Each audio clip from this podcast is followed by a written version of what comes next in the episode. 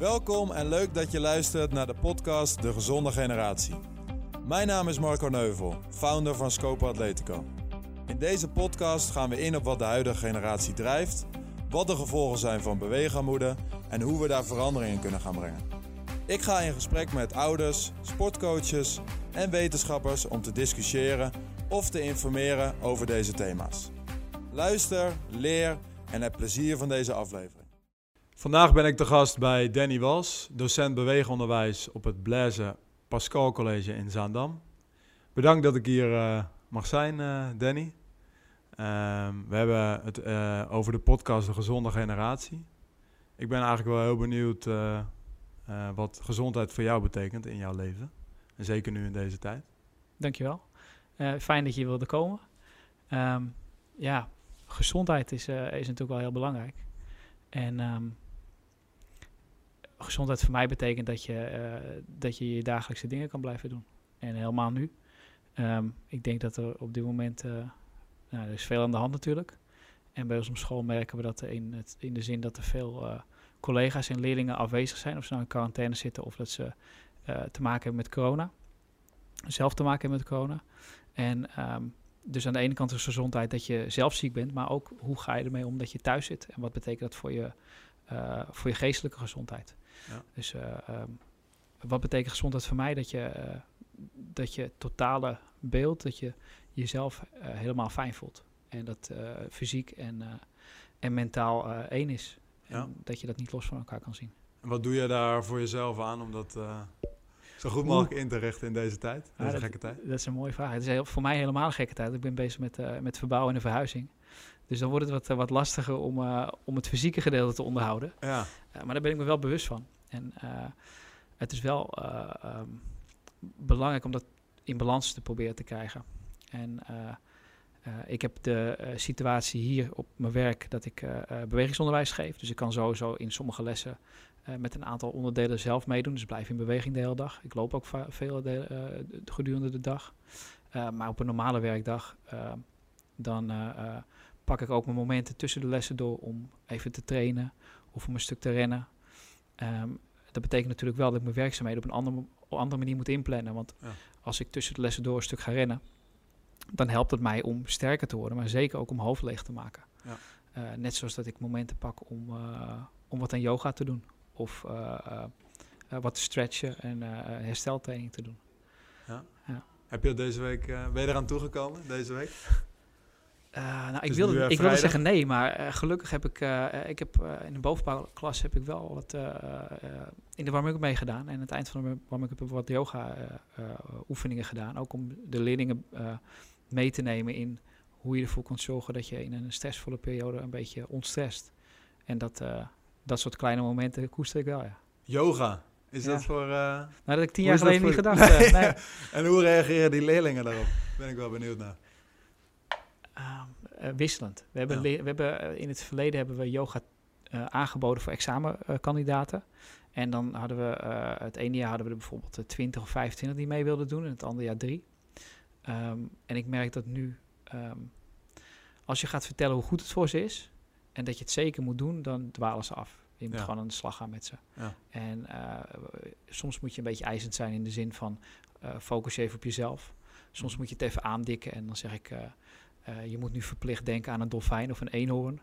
En dan, dan, dan, merk je dat er wel uh, wat uh, plezier ontstaat. En uiteindelijk hoop ik dan ook dat we tot rust komen met elkaar. Ja. En ehm, dat betekent niet dat we drie keer lang aan het downward doggen zijn of iets dergelijks. Nee. Want hoe kom jij aan die... ja, ik hou ja. van rennen. En ja. mijn vrouw doet dan crossfit. Mm -hmm. En we sporten allebei veel, met onze kids ook. En ik merkte dat... Um, naarmate de afstanden langer werden voor mij, of de trainingen zwaarder, uh, dat ik echt wel behoefte heb om uh, te, te, ontspannen en te herstellen. En toen ben ik uh, uiteindelijk begonnen met yoga. En het helpt mij wel echt om, ja, om te ontspannen en om mijn lichaam te onderhouden. Ja. En um, nu lijkt het net alsof ik vier keer per dag aan yoga ja. ben. Maar um, ik probeer dat wel, als het even kan, één of twee keer per week te doen. En um, ja, ik, ik voel me wel soms 21, maar dat ben ik niet meer. Dus mijn lichaam heeft het wel nodig. Ja, precies. En werd dat een beetje als uh, zweverig uh, gezien, uh, ja. yoga, maar toch gaan steeds meer. Je hoort ook topsporters die het Ja, of yoga afgeleide vormen. Als je kijkt naar, naar, naar, als we een, een zonnegoed doen met, met leerlingen, dan weet bijna elke voetballer weet wat een zonnegoed is. Nou, dat was toen ik begon met voetbaltrainen geven echt niet het geval. Ja, precies.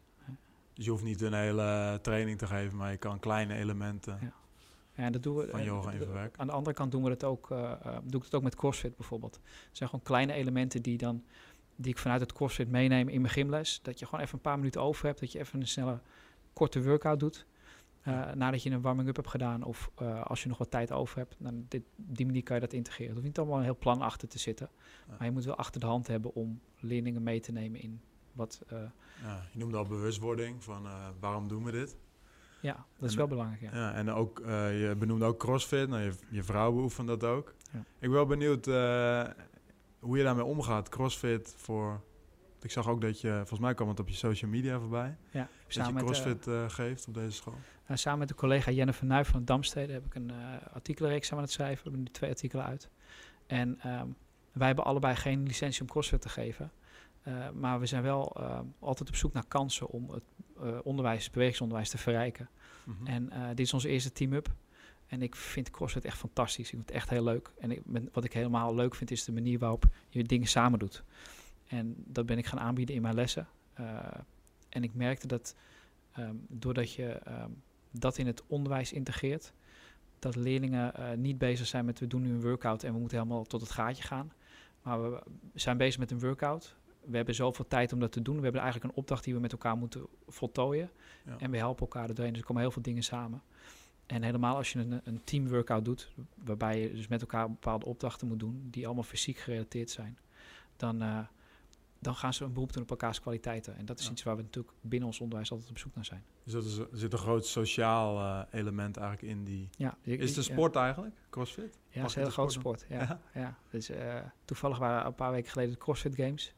En dat is, een, um, dat is niet zo groot als de Olympische Spelen. Maar dat is wel echt... Dat is wel topsport, zeg maar. Dat zijn wel echt atleten waarvan je denkt... Um, nou, ik zou dat niet een dag volhouden met ze. Nee. nee precies. En ik kan me ook wel voorstellen dat... Uh, zeker jongens, pubers het mooi vinden om te doen. Met, uh... Ja, die vinden, het, die vinden het over het algemeen vet. Ja. Uh, maar het mooie van CrossFit is dat er eigenlijk geen onderscheid is tussen vrouwen en mannen. de, de workouts zijn eigenlijk identiek, maar hm. worden wel aange, aangepast aan qua gewicht en qua, nou, niet zozeer qua herhaling, maar wel qua gewicht. maar dat is per individu. Dus mm -hmm. het kan ook zomaar zijn dat, dat wij met z'n tweeën dezelfde workout doen. En dat ik andere gewichten gebruik, en, maar dat we wel dezelfde tijd hebben. En dat je dan met elkaar kunt vergelijken. En dat ah, je dan ook een paar weken later kunt kijken hoe goed je het dan doet. Dat Hoeveel stappen je bent goed. Dus ja. het is wel vergelijken ten opzichte van jezelf in plaats van. Ja, je doet het met, met elkaar, maar ja. Het, ja, uiteindelijk kijk je naar je eigen ontwikkeling. En ik, ik zag, zie wel eens foto's voorbij komen, dan schrijven ze het op een bord op of uh, ja. Nou, ik heb uh, dit gedaan. Ja, en dan, uh, dat doe ik ook in de lessen, laat ik ze opschrijven. En dan vertel ik ze hoe je dat dan het mooiste kan doen. Wat je vaak ziet als je als je naar gymles kijkt, dan moet je bijvoorbeeld rondjes in, inlopen. En dan is iedereen, iedereen aan het afsnijden en iedereen gefrustreerd. Van, ja. En de vraag is of je, dat, of je daar een probleem van moet maken. Doe je, maar, ja, maak je er een probleem van? Uh, een paar jaar geleden wel. Ja? Uh, tegenwoordig, kijk, ik hou van lopen. Ik vind rennen fantastisch. En als ik ervoor zorg dat in mijn lessen leerlingen dat niet vinden, dan doe ik mezelf tekort, want het is mijn passie. En ik doe zeker de leerlingen tekort, want we wonen hier in Zandam. Nou, het grootste hardloop-evenement misschien wel van de wereld is hier, Dam de Damloop. Ja. En het, er is niets mooiers dan dat je een paar jaar later leerlingen die niet vooruit te branden waren in jouw gedachten, ineens een Dam de Damloop zien, zien rennen. Ja. Dus dan moet ik het hier niet verpesten voor ze. Nee, hier, moet, hier moet inspiratie komen. Houden. Ja. ja. En, en om dat terug te koppelen naar, naar zijn crossfit. Ja. Je werkt op tijd. Dus op het moment dat jij ervoor kiest om twee rondes te rennen en je, je doet dat vol, volgens de volledige standaard, dan kan je jezelf op de borst kloppen. Ik heb het fantastisch gedaan. En doe je dat niet volgens de volledige standaard, omdat je afgesneden hebt, dan zet je daarna achter je prestatie. Ik heb hem uh, niet helemaal gedaan zoals je moet. Aha, en dan kan je daarna weer over twee weken, of drie weken, of over twee maanden zien. Dus jij laat ze reflecteren op wat ze eigenlijk hebben gedaan? Nou ja, impliciet wel. Ja, ja want. Ze, ze zei voor zichzelf wat ze hebben gedaan. Ik maak daar vaak een foto van, die sla ik op, op een, uh, in, in een map van die klas. Ja. En als ze dan bijvoorbeeld een half jaar later diezelfde workout doen, dan kunnen ze kijken hoe het gaat ten opzichte van die workout. En oh, niet om ze met de neus op de feiten te drukken, maar met name om ze trots te, te laten zijn op datgene wat ze hebben doorgemaakt. Ja, dus dat is zelfreflectie. Uh, en uh, je benoemde al even ook dat je met je kinderen ook bezig bent om veel te sporten. Ja. Dat, dat je dat eigenlijk al deed, maar dat deze tijd dat misschien nog wel belangrijker heeft gemaakt. Ja, vooral in de maand maart, april. Ten eerste werd het mooi weer. Ten tweede zit je opgesloten. Ja. Uh, daar is wel heel veel gebeurd bij ons thuis. We hebben uh, koningsspelen thuis gedaan. Uh, met, met Pasen hadden we paasontbijt moesten ze verdienen. Gingen we met elkaar spelletjes spelen. En bij elk spelletje konden ze een item verdienen voor het paasontbijt. En wat voor spelletjes moet ik dan aan denken? Nou, mijn oudste zoon vindt een walzit fantastisch.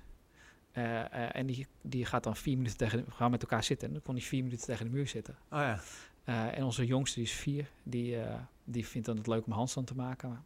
Uh, een van de leuke dingen is, ik weet niet of je dat kent, van die blazepots. Dat zijn, uh, um, die heb je van allerlei verschillende merken, maar dat zijn van die lampjes die aangaan. Ah, dus je ja, ja, tikt dan. Dus wij, uh, wij zetten de hele tuin vol met die lampjes en dan gaan we zo'n tikspelletje spelen. Nou, dat is, die, dan mogen ze zelf bepalen waar ze komen. Dus onder de trampoline of opgangen aan, aan de muur. En op die manier ja, spelen we met elkaar. En je zoontje lukt het ook om de handstand te maken? Die van vier? Ja? Ja. Alleen die loopt, ja, ja, die gaat steeds beter. En die loopt eerst tegen de muur op en dan zetten we hem even vast. Uh, maar die, ja, die vindt dat ook fantastisch. Ja, grappig. Het mooie is, we zaten uh, tot voor kort bij een crossfitbox waar ook een obstacle parcours in zat. En daar namen we de jongens mee. En er hingen allemaal touwen en er hingen op, ja, houten obstakels hingen daar. Dus als we dan getraind hadden, dan hingen die jongens hingen, in het net en in de touwen. Ja, ja vinden ze schitterend. ja, en dan gaat het leren vanzelf. Het survival, eh, ik weet niet of je dat ook wel eens... Ja, dat heb ik wel. Ik heb ja, gedaan. Ja, dat is fantastisch, hè? Ja, vinden ze. Ik geloof dat er ook best wel wachtrijen ja. bij de verschillende survival, omdat steeds meer ouders, maar kinderen vinden het gewoon gaaf volgens mij, en ouders zien het belang in van, hé. Hey, ja, en, en ook ouderen doen het. Uh, en uh, je hebt natuurlijk veel obstacle races op dit moment. Ja. Um, en daar komen, komen heel veel dingen samen. Je moet dingen samen doen. Je moet, uh, ja, je, je, moet je verplaatsen, rennen. Ja. Je moet uitdagingen aangaan. En um, ik denk dat een jaar of toen de jongste twee was, toen hebben we een obstacle race gedaan met een modderrace. Ja. Uh, dan banjeren we door de sloot met z'n vier. ja, en dan moet je wel even de grens over. Maar het is wel, ja, uiteindelijk zorgt het wel voor mooie herinneringen. Ja, dat vinden zij geen probleem waarschijnlijk om door de modder... Uh, niet, niet altijd, maar over het algemeen vond het heel leuk. Ja, precies. Maar levert mooie foto's op in ieder geval, denk ik. Ja. En uh, nou, je, je, je, zei al van, uh, nou, mijn kinderen neem ik daarin mee. Hoe doe jij de inspiratie op voor al die oefeningen en uh, spelletjes die je bedenkt? Of is dat gewoon ervaring die je hebt opgedaan? Um, of heb je, haal je die ergens vandaan? Of? Nou ja, we doen het eigenlijk samen. Die jongens dragen zelf dingen aan die ze leuk vinden. Um, um, thuis, uh, mijn vrouw Manta, die is heel erg creatief in dit soort zaken. Ik heb natuurlijk een achtergrond. Ja. En dat brengen we een beetje samen. En um, ik moet heel eerlijk zeggen, ik oriënteer me heel veel op de nieuwe ontwikkeling als het gaat om bewegen. Ja. En dat doe ik hier op mijn werk. heel veel nieuwe materialen die we, ja, die we gebruiken.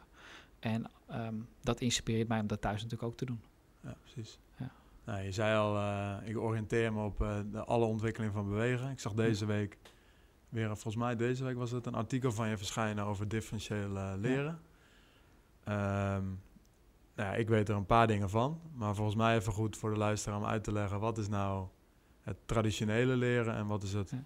differentieel leren, want het zijn nogal moeilijke woorden voor misschien Iets simpels. Maar. Ja, het, zijn moeilijke woorden. Voor, inderdaad, ja, het, het, hoeft niet zo moeilijk te zijn. Uh, differentieel leren is een vorm van impliciet leren. Dus leren door te doen, waarbij uh, um, dat staat tegenover traditioneel leren en dat is meer expliciet. Dan heb je van tevoren een leerlijn uitgedacht en uh, trapsgewijs voeg je elke keer wat toe om het moeilijker te maken mm -hmm. met methodische stappen. En differentieel leren is een wijze van leren waarin je ervan uitgaat dat het um, de atleet of de persoon of het kind leert door te ervaren en zichzelf aanpassen aan de situatie. Het zelfregulerend vermogen van het organisme. Met moeilijke woorden. Met andere woorden, je krijgt een bewegingsprobleem voor je neus. Dat moet je oplossen. Uh, daar denk je niet al te veel over na. Je lost het gewoon op. En uiteindelijk vind je je eigen weg daarin. Ja. Um, dus als je kijkt naar voetballen, je leert uh, het spel te spelen door, door te doen, maar door continu op zoek te moeten gaan naar andere manieren om situaties op te lossen. Dus bijvoorbeeld uh, met andere ruimtes, met andere ballen, met andere ondergronden. Ehm, eigenlijk komt het op neer, je gaat heel veel ruis, variatie aanbieden in het leerproces. Daardoor moet je als kind of als speler of als leerling moet je je aanpassen. En het aanpassingsvermogen wordt heel erg op de proef gesteld. En doordat je weet hoe het niet moet, kom je sneller tot de conclusie, eigenlijk automatisch, hoe je het het beste op kan lossen. Hoe, je, hoe, het wel moet. En hoe doe je dat in je gymles, praktisch? Wat voor dingen gebruik je om dat differentieel leren toe te passen? Um, ja, pak een paar aantal praktische voorbeelden. Als je kijkt naar een spelvorm, dan uh, ik gebruik naar heel simpel bij trefbal. Trefbal is natuurlijk iets wat kinderen fantastisch vinden en ehm, maar, maar, heel veel gedaan wordt en soms niet altijd vanuit het juiste perspectief. Maar op het moment dat je uh, allerlei verschillende materialen gebruikt, dus een uh, zachte frisbee of uh, verschillende soorten ballen die anders aanvoelen, maar ook groottes, dan moet je je continu aanpassen aan de, aan de setting, aan andere materialen. Ja, als je bijvoorbeeld gaat badmintonnen, dan kan je badminton spelen met allerlei verschillende materialen, met kleine rackets, met grote rackets. Je kunt materialen in het veld leggen. Dus blokjes of pionnetjes. Of je kunt de, uh, zodat leerlingen continu moeten kijken van waar moet ik bewegen. Uh, hoe zorg ik ervoor dat ik de, de shuttle terug kan slaan zonder dat ik op iets anders sta. je kunt ook aangeven van je mag hem de ene keer met je linkerhand spelen, dan met je rechterhand. Um, dus dat is een soort spelregel die je kan toevoegen? Ja, dat, je, je kunt eigenlijk op drie manieren kan je um, aanhaken. Uh, binnen uh, aangrijpen, differentiëren. Dat is op je taak, op het individu, of op de omgeving. Dus als je, bij, als, je naar, als je dat vertaalt naar badminton, kan je het net hoger hangen dan normaal gesproken of lager hangen. Dat is de omgeving? Ja. ja. Uh, je zou ook kunnen zeggen, ik hang vuilniszak over het net, zodat je er niet overheen kan kijken. En dan is het bij badminton minder interessant dan bij volleybal. Ja. maar op, op het individu is wat lastiger. Kijk, daar zit al heel veel ruis in, want elk individu is op elk moment anders. Ja. Het kan zijn in twee minuten tijd kan er heel veel veranderd zijn. Maar het kan ook in verschillende lessen anders zijn als een leerling vlak voor de les te horen heeft gekregen dat hij een 1 heeft gescoord, dan gaat hij de les anders in dan wanneer hij dat niet heeft gehoord of dat hij een 7 heeft gehaald. of, slecht geslapen. Ja, bijvoorbeeld. Of, uh, er, zijn, er, gaan heel veel, uh, er zijn heel veel dingen die daar invloed op hebben. Maar je kunt leerlingen ook vermoeid laten spelen. Dus dat je zegt, we gaan... Uh, ik heb in mijn onderzoek, onderzoek gedaan naar de salto voorover. En een van de opdrachten was bijvoorbeeld... maak eerst vijf burpees en ga dan de aanloop nemen en spring dan de salto. Hm? dan ben je min of meer vermoeid en dan is dat binnen het individu. Um, en binnen de taak kan je bijvoorbeeld zeggen, nou, de ene keer speel je met je, met je ene hand en de andere keer met je andere hand. Of uh, je moet hem eerst voor jezelf uh, omhoog spelen en dan speel je de shuttle terug. Nou, je kunt allerlei dingen variëren in taak. Dus in jou, dus wat voor sport je ook doseert, waar je coach van bent of welke les je ook geeft, spel, die verzorgt, je kan altijd variëren in taak, omgeving en individu. Ja. En was dat ook de uitkomst van je onderzoek die je hebt gedaan voor je studie? Dat is, wel, dat is wel leuk dat je dat vraagt. Want kijk, als je naar turnen kijkt, daar gaat het om de perfecte uitvoer van de beweging. Dus als je kijkt naar differentiëren, dan gaat het juist om dat je zoveel mogelijk die beweging overhoop gooit. Dus de perfecte uitvoer moet uiteindelijk eruit rollen. En tegelijkertijd is de perfecte uitvoering niet de, de, altijd de juiste uitvoering voor de persoon die je tegenover je hebt. Ehm, die moeten ze zelf gaan uh, uitvinden. Die moet zelf gaan uitvinden. En dat is voor een sporter als softbal veel makkelijker. Want dan gaat het om, als je die bal wegslaat, komt hij op een plekje terecht waar de tegenstander de bal niet kan vangen. Of dat jij honken kan gaan lopen. Dus dan is, het, dan is de uitkomst van de beweging belangrijker dan de beweging op zich. Ja. En bij de salto voorover is dat natuurlijk, is de beweging de kern. Gaat het om de beweging, ja. Ah, en uh, ik heb in mijn onderzoek gekeken naar wat betekent differentiëren voor je competentie, dus je eigen competentie. Ja. Eh, eh, dus, dus, dan, hoe kijkt de docent naar jouw bewegen? Ehm, op die manier hebben we dat gemeten. Eh, ik heb gekeken hoe kijk je zelf naar je eigen competentie, dus je perceived competence. Hoe ervaar je wat je kunt? Mhm. Ehm, dat zou je bijvoorbeeld kunnen interpreteren als dat ik, als ik ga voetballen met mijn zoontje van acht, dan voel ik mezelf een eindbaas, want ik geef hem elke keer panna's. nee, dat doe ik niet hoor. Dat kan ik niet eens. Maar als ik bij Ajax ga voetballen, dan vind ik mezelf, ja, daar kan ik helemaal niks van. Dus mijn ervaren competentie op dat moment is heel anders dan wanneer ik ga voetballen met iemand ja, die... Ook wel afhankelijk van je omgeving. Juist, ja. Um, en uh, op het moment, uh, nee, daar hebben we naar gekeken. En we hebben gekeken naar um, wat is de invloed van differentiëren op je uh, intrinsieke motivatie. Nou, op dat laatste kon, kon ik niet zoveel zeggen, want daar was het traject te kort voor. was eigenlijk mijn conclusie. maar wat mij opviel was dat de leerlingen, als ze hun ervaren competentie vaak lager inschatten dan hun daadwerkelijke competentie. Dus het cijfer wat ze kregen op basis van de, hun prestatie. Mhm. En daar valt wel heel veel winst te behalen ja. uh, voor ons als docenten. Als wij het voor elkaar krijgen om de leerlingen mee te nemen in hoe wij zien dat ze bewegen, uh, dan kunnen we ze misschien wel meer ehm, motiveren. Om te blijven bewegen. Ja. ja. Wat is dat? Ik heb ooit eens iets gelezen over dat physical literacy verhaal. Ja. Is dat daarmee, dus het gaat over volgens mij, hoe zorg je ervoor dat je tot op hoge leeftijd blijft sporten uiteindelijk? Dat moet het doel daarvan zijn. ja, physical literacy is, gaat om ja, hoe, hoe beweeg je je in het dagelijks leven. Dus wat, dat het, gaat, het is wat breder dan dat eigenlijk komt alles bij elkaar samen. Klopt, dus maar daar stond ook volgens mij iets over competentie en motivatie in. En die elementen noemde je nu ook. Dus ik, dacht... ja, ik wil het liever koppelen aan, uh, daar heb ik al gekeken naar motivatie, uh, aan de self-determination theory van Daisy en Ryan. Ja. En dan heb je het dus over competentie en een relatie met je, ah, met je omgeving, je taken en, en degene met wie je samenwerkt. Um, en autonomie. En um, als wij in staat zijn als docenten om die relatie uh, um, zo te krijgen dat leerlingen hetzelfde zien als wij of zichzelf uh, hoger inschatten, omdat we ze daarbij kunnen helpen. Dan ze daadwerkelijk, nee, niet hoger dan dat ze daadwerkelijk kunnen, maar wel hoe zij zichzelf zien in relatie tot de werkelijkheid. Gewoon realistisch eigenlijk. Ja. ja. Uh, en dat doe je op basis van een relatie met elkaar. Want als je geen relatie hebt, dan kan je wel zeggen dat het zo is. Maar dan is de vraag of dat geloven dus de andere ja. kant. Um, en een stukje autonomie, omdat via differentiëren kan je daar heel erg goed op uh, aan, uh, aanhaken. Want op het moment dat je opdrachten geeft, um, kan je ze ook die opdrachten bijvoorbeeld op een lijst zetten. Dat je continu um, een andere, je moet bepaalde bewegingsproblemen oplossen op een andere manier. Ja. En dan kunnen ze zelf kiezen welke manier ze op dat moment, welke bewegingsproblemen ze voor een, voor een neus krijgen. Ja. Maar ze kunnen ook zelf dingen verzinnen om, het, uh, om meer die ruis uh, toe te voegen. Dus dat doe jij, neem ik aan? Uh, opschrijven taakomgeving individu in de les? En dan ja, dat doe op sommige opties. momenten wel, ja, ja. ja. Ja, En dat is maar net op de plek voor en met welke groep je werkt. Um, maar, ah, maar dat, daar liggen echt wel kansen. Ja. ja. En je noemde ook de rol van de, ja, ik noem even de coach. Ja. ik ben ook geneigd geweest in het verleden om me heel erg op de inhoud alleen maar te richten. Van ja. de training heel veel in te gaan op je moet zo vaak de bal aanraken en snel aan de bal aanraken, snel van richting veranderen. Terwijl misschien wel belangrijker de relatie die je hebt met, met de leerling of met de speler. Ja.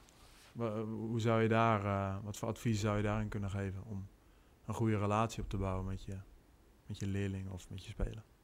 Maar ik denk dat uh, allereerst belangrijk is dat je met je spelers contact maakt.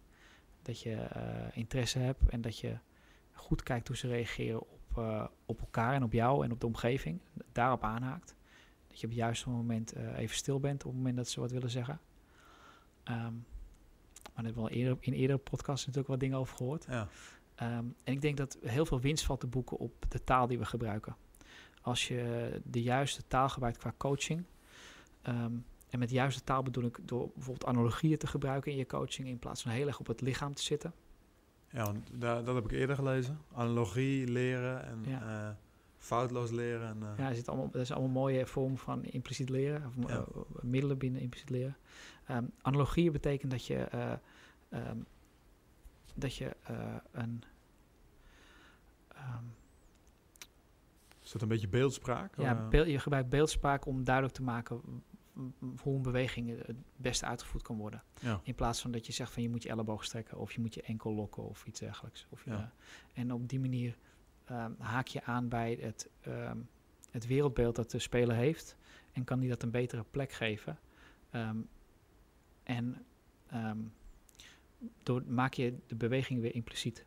En als je de beweging impliciet maakt, wordt het voor een speler makkelijker om te beseffen wat nou echt moet gebeuren. Mhm. En um, hoe meer je nadenkt over de beweging, hoe groter de kans is dat je als speler uh, of als leerling op het moment dat het echt ertoe doet, dat je te veel gaat nadenken, dat je gaat choken onder pressure gaat krijgen. En dat betekent dat je het even niet meer kunt uitvoeren, omdat je mhm. door de stress ja, de, de beweging uh, uh, niet meer onder controle hebt. Ja, dus meer op het resultaat richten van de beweging? Bijvoorbeeld, ja. ja. Maar ook bijvoorbeeld, uh, nou, we, uh, laten we teruggaan naar het yoga. We, we, staan op de grond en zijn leerling moeten zich helemaal lang maken. En dan zeg ik, jongens, raak met je vingertop het plafond aan. Er is natuurlijk niemand in mijn groep die het plafond gaat raken op 5,5 meter. Maar op het moment dat iemand niet zijn armen gestrekt heeft, en ik kijk naar boven, ja, dan realiseert hij zich van ja, ik moet toch nog even iets langer maken. Ja, ja, mooi. Dus je overdrijft en je kunt humor ook heel goed gebruiken om dingen heel duidelijk uit te lichten en helder te maken wat je verwacht van uh, wat een beweging op moet leveren meer. En ik ken de punaise in de hak, die heb ik uh, ja. vaak gehoord over uh, dat je op je voorvoet, om op je voorvoet te lopen te, ja te bereiken. Dus die heb ik zelf wel eens gebruikt, omdat ik die van iemand anders hoorde. Ja, maar kijk, zo werkt het. Je, je komt vergelijkingen tegen en die probeer je in je eigen praktijk te brengen. En dan zijn de belangrijkste mensen die daarbij horen, zijn de mensen die je moet gaan coachen. Dus als jij uh, spelers hebt of, of, leerlingen hebt die, die je op die manier wil beïnvloeden, ja. dan moet het wel passen bij hun omgeving. En daarom is het weer belangrijk om te luisteren naar ze, om, om, ze, om duidelijk te krijgen van wat hun leefwereld is en daarop in te haken. Als ik tegen kinderen uh, in groep 5 of 6 uh, zeg dat ze moeten huppelen en dan net moeten doen alsof ze Super Mario zijn. En dan met hun, uh, met hun hand het blokje boven hun hoofd te gaan, gaan aantikken. Ja, dan ziet huppelen er weer anders uit dan wanneer ze dat heel, die beweging heel klein maken. Ja. En wij, ehm, wij hebben hier een hele grote beweegwand van, van 40 meter lang en 6 meter hoog. die helemaal met allemaal graphics op staan. Maar mooier is nog, wat zit er bovenop die wand? We hadden een tijdje dat die, dat die in aanbouw was. Het is een, biomassacentrale. Nou ja, wij als, uh, als collega's zijn ook kinderen, we willen ook spelen. Een van mhm. mijn collega's die sloeg een, een honkbal de bouwput in. Oh, ja. Over die wand heen. Nou, dat is iets wat, ja, dat is fantastisch natuurlijk. Dat zijn mooi, dat zijn juichen. momenten. Ja, dat is juichen, maar dat hoor je nog steeds terug.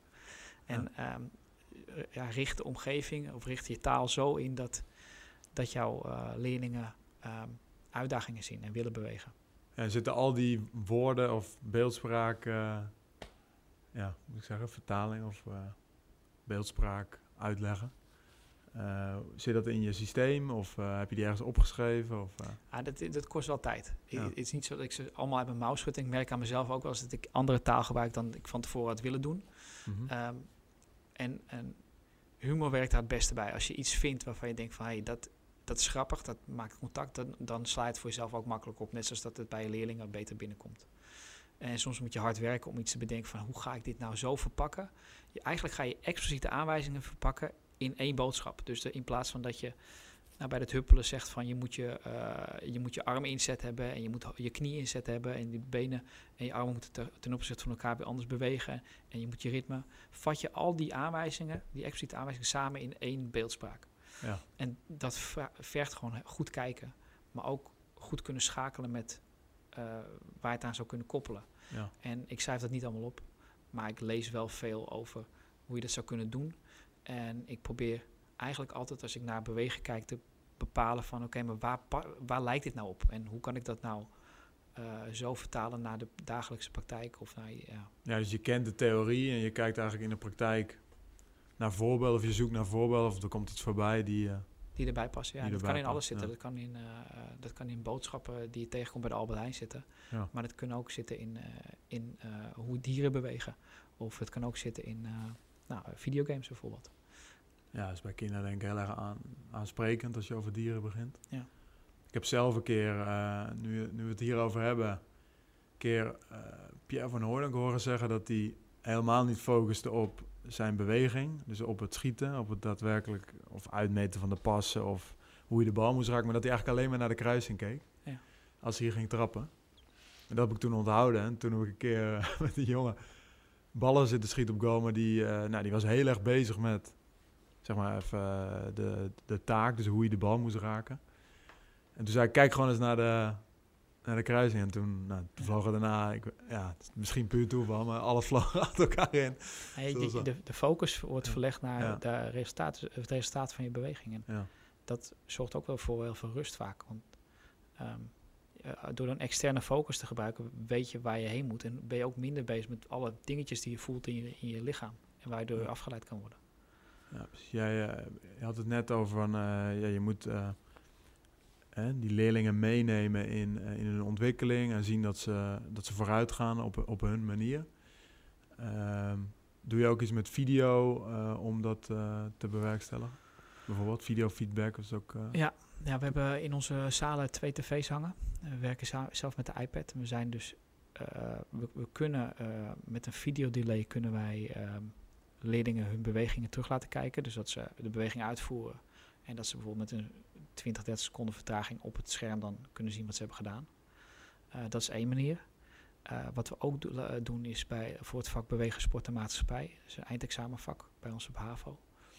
Dat ze een portfolio moeten aanleggen en zichzelf moeten filmen of laten filmen. En op basis daarvan een zelfassessment doen, dus een eigen beoordeling. Of een peer assessment, dat ze iemand anders moeten beoordelen. En dan zorgt dat voor bewijsmateriaal. Mhm. Maar de bewijsmateriaal, dat is een mooie term. Uiteindelijk gaat het om hoe kijk je dan naar je eigen bewegen. En ze worden dus gedwongen door die beelden te gebruiken uh, om dat te doen. En we hebben ook wel eens, uh, en dat doen we ook wel, dat we um, video uh, stukjes taggen. Dus dan bijvoorbeeld bij softbal we hebben een aantal momenten die getagd worden en dan leerlingen die dan... een soort videoanalyse. Juist, ja. En dan kan je, die worden ook ge, ge, of, gecategoriseerd in mapjes. En dan kunnen leerlingen in die mapjes kijken, terugkijken wat ze hebben gedaan. En dat kunnen ze dan weer in hun eigen analyse gebruiken om tot hun eigen beoordeling te komen. Ja, past volgens mij heel erg bij deze tijd. En ja. koppelen jullie dat ook aan hun, uh, nog meer aan hun wereld door uh, social media en... Daar zijn ze natuurlijk ook heel erg mee bezig. Ja, dat, Ik dat zie op 4 3 uh, ja, dat zijn wel al die video's erbij komen. Ja. nou, wat, uh, wij hebben social media gebruiken wij niet zo. Verleden jaar wel gebruikt trouwens, toen we net uh, toen de school dichtgingen. Hebben we Instagram gebruikt om de leerlingen mee te nemen in thuisopdrachten. En die Um, daar, hebben we, daar hebben we vanuit onszelf heel veel gebruikt. Maar de leerlingen zelf dingen laten posten op social media, niet in die context. Wel hebben we een heel groot event georganiseerd. Waarbij onze uh, BSM-leerlingen geld gingen ophalen voor OnlyFriends. Gingen ze, dan zouden ze gaan roeien. Hm. Op het laatste moment hebben we dat moeten cancelen. Maar daar hebben social media wel een belangrijke rol in laten spelen. En dat wordt ook gevuld door de leerlingen zelf. Ja, dus soort challenges uh, uh, nou, voor meer, het goede doel. Ja, ze, ze, zouden gaan roeien. En zouden we 24 uur lang gaan roeien voor, op, op, van die rowers, de indoor rowers. En ja, er moest geld voor opgehaald worden. Dus daar gebruikten we social media voor. Ja, zij gebruikten dat om, om geld op te halen. Ah, dat is wel gaaf. Dus dat verbindt aan de ene kant hun wereldje ja. aan, een, aan een hoger doel. En volgens mij past het ook wel... Want zij zoeken echt naar een soort van beleving, hè? Ergens... Ja.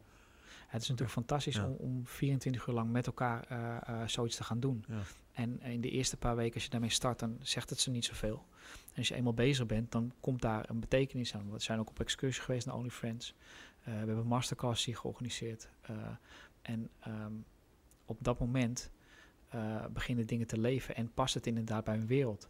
Mm Want um, ja, Instagram is toch wel een ja, belangrijk medium op dat vlak. want zij zien dingen gebeuren die wij laten zien wat zij doen. Maar andere instanties die helemaal losstaan van de school, taggen onze school ook weer. Want ja, wij zijn bezig met hun, met hun belangen. Ja. En dan merken ze dat de wereld groter is dan alleen maar het Blessed Schoolcollege. Ja, en, en uh, voor de school denk ik ook goed. Die komen ook weer in een positieve uh, daglicht. Ja, ja, en het is met name leuk om te zien dat, dat je echt wel dingen kan betekenen voor de buitenwereld. Want ja. Ehm, onze leerlingen hebben echt heel veel geld opgehaald voor, voor OnlyFriends. En uh, um, dat doen ze regelmatig ook voor, uh, voor ons gehandicapte sport. En op die manier laten we ook gewoon zien dat ja, het voor iedereen mogelijk moet kunnen zijn om, om, te, om te sporten. Ja. En da daar zijn zij onderdeel van. Ja, ik vind het echt mooi hoe, je, hoe jij probeert, maar volgens mij jullie hier binnen de school uh, proberen om zeg maar sport ja. niet alleen op jezelf te betrekken, maar juist met een, met een hoger doel. Dus je ontwikkelt je als persoon, maar ook sociaal. Je kan iets voor een ander betekenen. Uh, dus echt iets nalaten waar ze zeg maar hun hele leven nog profijt van hebben. Ja, dat, is wel het, dat is het, het hoofddoel van ons vak. Ja. Um, en tegelijkertijd kunnen we natuurlijk nooit garanderen dat, het, dat we dat voor iedereen halen. maar het, het wat ik wil voorkomen is dat je, toen ik vroeger een bijbaantje had, zat ik in de kantine bij de, bij de Albert Heijn was dat. En toen vertelde iemand, toen ik vertelde dat ik de Academie voor Lichamelijke Opvoeding deed, die, die, die mevrouw, die was weet ik 50 of zo, die zei, ah, verschrikkelijk gym, dat haatte ik vroeger. Ja, ja, ja dat vind, maar je hebt het wel over mijn passie. Ik bedoel, dat is mijn, dat is mijn, uh, mijn ding. Ja. Eh, het kan in mijn beleving... Um, het mag niet zo zijn dat er leerlingen straks van school gaan... die alleen maar nare ervaringen met mijn vak hebben. Het kan niet zo zijn dat je alleen maar positieve ervaring hebt... maar voor iedereen is er iets te bedenken wat... het ligt dus voor een groot deel ook aan, aan, aan de persoon die het geeft. Zeker, en, maar ook wat je geeft. maar met name inderdaad in de relatie en hoe je het geeft. Mooi. Wat, wat zou je voor als afsluiter, als concreet adviezen aan luisteraars willen meegeven van, nou, we hebben het gehad over differentieel leren, laatste van de coach. Waar, zou je, waar zouden ze meteen morgen iets bij wijze van spreken mee kunnen doen? Proberen in de, in de les of in een uh, sporttraining, voetbaltraining, hockeytraining. Ja, um, als je mee, mee, mee, wil beginnen, dus je wilt met differentieel leren aan de gang, wat zou je kunnen doen? Als het gaat om differentieel leren, dan um, zou ik meegeven uh, laat even alle kaders los. Wees niet bang dat spelers fouten maken. Juist die fouten zorgen ervoor dat, uh, um, dat er mooie dingen gebeuren. Want spelers gaan zonder dat jij wat zegt op zoek naar de beste oplossing. Um, hoe je dat meteen kan doen, uh, gebruik andere ballen. Heb je die niet, gebruik een keer geen hesjes als je met elkaar speelt. Dus moeten de spelers al met elkaar gaan zoeken naar wie hoort er nou bij mij en wie, wie is er tegen mij. Ja. Um, gebruik een keer een ander soort veld of ga een keer voetballen. Uh, niet op, op het gras, maar neem ze mee naar het strand en ga daar eens voetballen. Of in, in de hockeytraining. Of uh, um, gebruik een keer ja, andere ballen, wat ik al zei. of overtal, ondertal situatie. Je kunt gewoon eigenlijk variëren in, in heel veel dingen, meer dan je van tevoren bedenkt. Ja. En um, als je zegt van wat wil je meegeven aan trainer en coaches, um, het is heel belangrijk dat je weet waar je het over hebt. Dus inhoud is echt heel belangrijk. Maar het allerbelangrijkste is dat je, dat je leerlingen of spelers kan raken. Ja. En pas als, dat, als je een opening hebt, een opening betekent dat je uh, een relatie met iemand hebt, dan pas kan je de inhoud bespreken en niet andersom. Dus eerst de relatie, dan de prestatie. Juist. Ja. Ja. Mooi. Nou, dat, een tegeltje trouwens. Ja, dat is een goeie, hè? Ja, die heb ik al eerder voorbij zien komen op internet. Ik dacht, ik kan hem nu inzetten. Uh, mooie afsluiter. Eerst uh, op de relatie zitten, dan pas naar de inhoud. Ja. Uh, volgens mij super interessant om, om hier dingen uit mee te nemen. Ik heb ook weer heel wat dingen geleerd die ik kan gaan gebruiken. Wil je bedanken voor deze tijd die je hebt gemaakt op de vrijdagmiddag. Het begint hier nu donker te worden in Zaandam. Dus ja. mooie tijd om af te sluiten. En we gaan elkaar zeker spreken. Dankjewel voor het gesprek. Heel fijn. Mooi, dankjewel. Succes. Bedankt voor het luisteren naar de podcast De Gezonde Generatie. Hopelijk heeft het je geïnspireerd en wil je samen met ons van beweegarmoede naar beweegrijkdom gaan en zo de wereld een klein beetje beter maken. Laat ons weten wat je van deze aflevering vond via onze Facebookgroep De Gezonde Generatie of via andere socials. Tot de volgende aflevering van De Gezonde Generatie.